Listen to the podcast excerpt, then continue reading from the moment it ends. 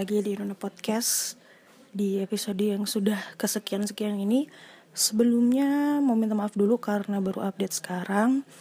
Dan baru sempat gitu untuk kembali bersua dengan teman-teman pendengar Yang episode sebelumnya mungkin pada nungguin ternyata nggak publish karena memang lagi riuh banget dan justru mau sharing nih Kali ini mau cerita soal pengalaman menjadi fresh graduate gitu ya untuk sebulan pertama gitu.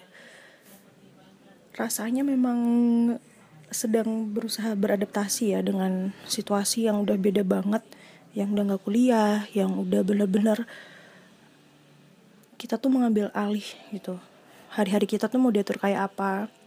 Apakah kita bener-bener mau di rumah doang atau justru kita si menyibukkan diri dengan ikut berbagai macam kegiatan ya. Nah itu aku mau sharing tuh di situ. Jadi selama sebulan pertama pasti yang udah aku kerjain gitu? Apa yang udah aku pelajarin? Ternyata banyak banget pengalaman-pengalaman baru yang ternyata di luar dugaanku. Mencoba pelan-pelan keluar dari zona nyaman dan mencoba hal baru yang ternyata aku minatin ada jalannya. Kayak gitu mungkin episode yang berkaitan dengan skripsi yang aku rilis kurang lebih dua minggu yang lalu depending dulu akan rilis entah kapan. Sebenarnya udah take juga udah rekaman tapi belum sempat diedit. Udah ada raw audio audionya entah mungkin aku langsung rilis atau nanti di, diedit edit bagian-bagian yang kepanjangan atau yang kepotong. Nanti akan aku infoin di twitter gitu Anyway,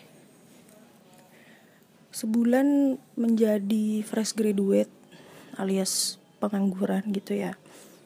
Atau bisa dibilang freelance gitu ya. Jadi bulan-bulan ini jadi Oktober ini sama September kemarin tuh aku yang pertama jelas melamar berbagai posisi di perusahaan yang macam-macam banget Nah abis itu udah total berapa ya? Banyak banget di atas 20-an. Kalau nggak salah ya, jadi dari manajemen trainee sampai yang benar-benar posisi yang aku incar yaitu field assistant, asisten lapang, baik itu asisten peneliti atau asisten kebun, pokoknya yang berbau-bau asisten gitu. Yang requirementnya fresh graduate, aku sampai lamar di situ. Terus puji Tuhan nyangkut satu. Jadi awal Oktober kemarin memang udah interview dan psikotes juga.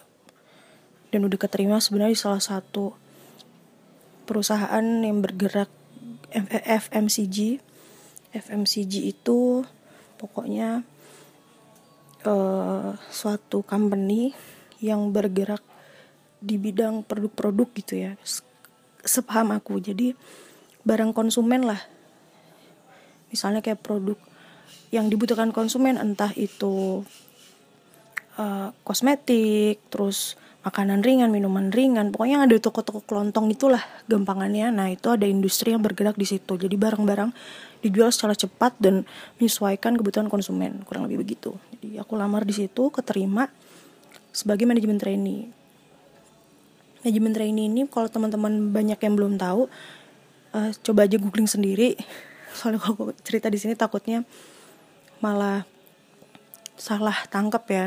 Jadi biar banyak kok di YouTube dan di Google banyak banyak menjelaskan pentingnya manajemen training untuk seorang fresh graduate gitu. Jadi aku di situ uh, udah sampai interview dan udah siap masuk. Sebenarnya udah psikotes di hari berikutnya. Jadi selama dua hari aku bolak balik ke Jogja terus Nah pas udah diterima ini kan udah mulai dealing soal gaji dan sistem kerja bagaimana.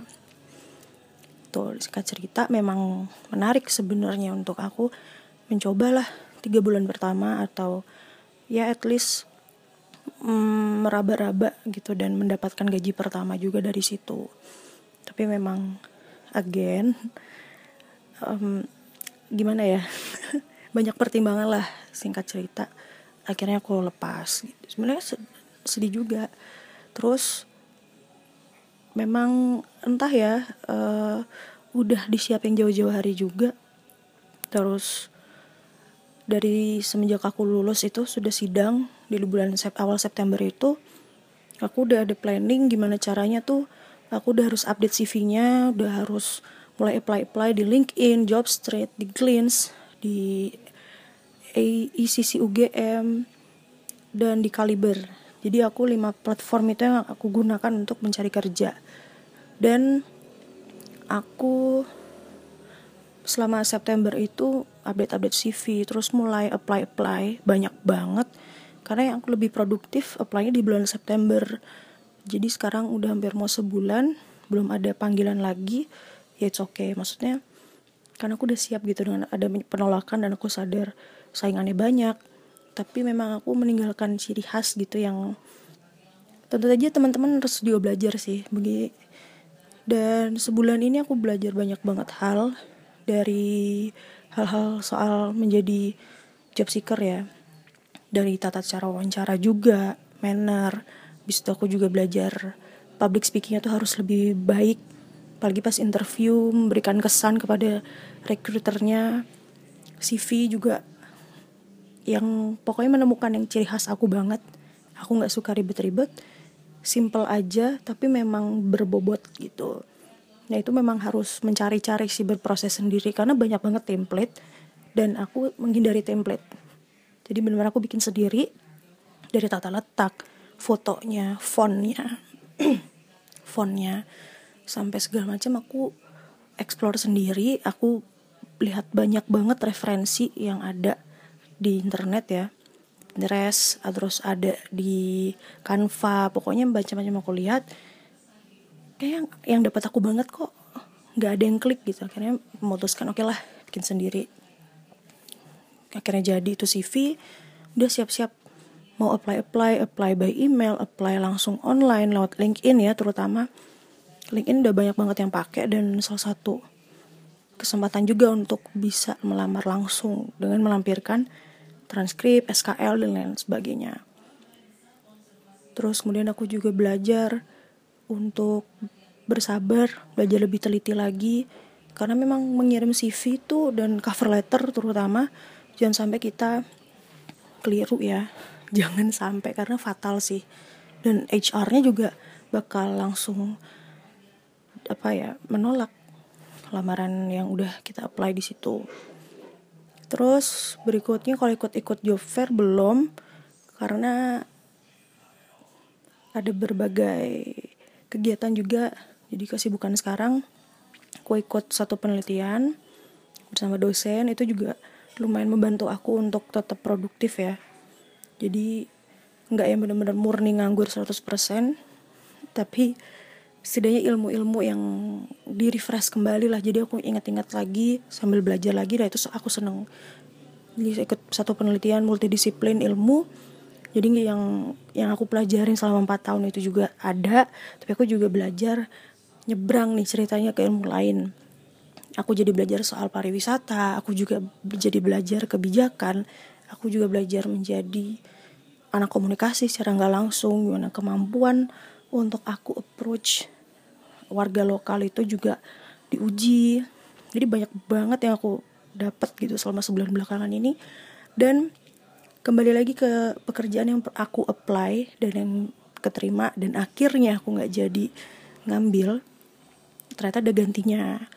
Jadi dari September kemarin aku udah coba apply ada satu balai pelatihan kerja gitu setiap provinsi pasti ada lah di tiap kota dan kabupaten pasti ada dan itu buka uh, short courses bisa dibilang begitu ya selama satu bulan kurang lebih di training di situ harapannya bisa mendapatkan kompetensi. Kini aku daftar dan udah di wawancara juga seleksi awalnya seleksi berkas habis itu wawancara dan kita keterima. Baru kemarin pembekalannya jadi aku senang banget. Satu bulan ini full akhirnya punya kegiatan yang gantinya ini gantinya aku gagal bekerja bukan gagal ya memang keputusan yang berat sih. Jadi aku melepas pekerjaan yang seharusnya aku sudah diterima karena aku ikut kursus itu selama satu bulan penuh. Jadi bersyukur sih dapat gantinya dan sebenarnya nggak galau-galau banget gitu. Sambil juga menunggu panggilan yang udah aku apply apply sebelumnya. Jadi kalau total di apply dalam satu bulan tuh aku udah yang sampai yang aku berangkat wawancara tuh satu tapi yang bener-bener interviewnya tuh misal aku lamar minggu lalu terus dapat message-nya hari ini harus berangkat besok pagi. Nah itu udah ada sampai tiga company kalau nggak salah ya. Tiga atau empat yang mengharuskan berangkat. Nah sedangkan aku masih di Magelang. Tempat yang aku apply itu ada di Jakarta. Kebanyakan semua di Jakarta sih kantor pusat gitu. Tapi penempatannya ada yang Kalimantan ada. Di Sulawesi juga ada. Ada yang Kalimantan kebanyakan. Dari tiga itu dua di Kalimantan satunya eh Sumatera apa Sulawesi ya. Pokoknya kurang lebih di situlah di luar Pulau Jawa. Akhirnya nggak jadi berangkat tuh karena memang mendadak. Tiketnya juga belum tentu dapat. Ya udah dilepas. Padahal itu posisi strategis sih menurutku pribadi. Jadi aku hasil riset sendiri posisi yang apply ini sebenarnya bagus tapi ya udahlah dilepas. Terus ya udah singkatnya begitu. Dan akhirnya memang memang harus bersabar lagi ya. Selain jadi ini aku senang banget dapat kesempatan untuk bisa pelatihan selama satu bulan full di bulan ini dan Oktober. Jadi sambil benar-benar aku nunggu wisuda karena dapet yang ini yang benar-benar sangat-sangat menguntungkan lah bagiku aku juga senang banget. Gitu. Bis itu apa lagi ya? Yang bisa aku ceritain lagi adalah oh gimana ngatur waktu sih lebih tepatnya. Karena memang udah nggak kuliah jadi udah nggak ada alasan untuk males-males. Karena males bisa faktornya banyak ya. Pernah cerita di episode sebelumnya. Coba didengerin. Kayak tips ngurangin males atau apa ya aku juga lupa dicari aja. Situ memang males. Karena kan bener-bener nggak ada kegiatan ya kuatur waktu gitu. Dan selama sebulan ini bisa dibilang aku jarang di rumah ya. Malah jarang di rumah loh. Jadi kayak benar-benar satu hari full di rumah ya ada beberapa hari tapi dari akhir-akhir ini lebih sering keluar gitu. Tapi benar-benar ada tujuannya. Misalnya kan karena aku pertama ikut penelitian dosen otomatis tiga hari full itu Jumat satu minggu kemarin aku yang harus ke lapang. Terus hari ini juga saat ini direkam itu juga ada kegiatan lain. Jadi aku menyempatkan banget untuk bisa uh, take buat masuk ke podcast ini. Gitu. Mungkin apa ya yang bisa dibagi adalah um, begitu lulus ya namanya mungkin kalau masalah lingkar pertemanan memang otomatis akan tersisi dengan sendirinya seleksi alam sendiri. Jadi yang aku bilang di awal kita yang mengambil alih gitu. Kita diri kita ini akan dibawa seperti apa.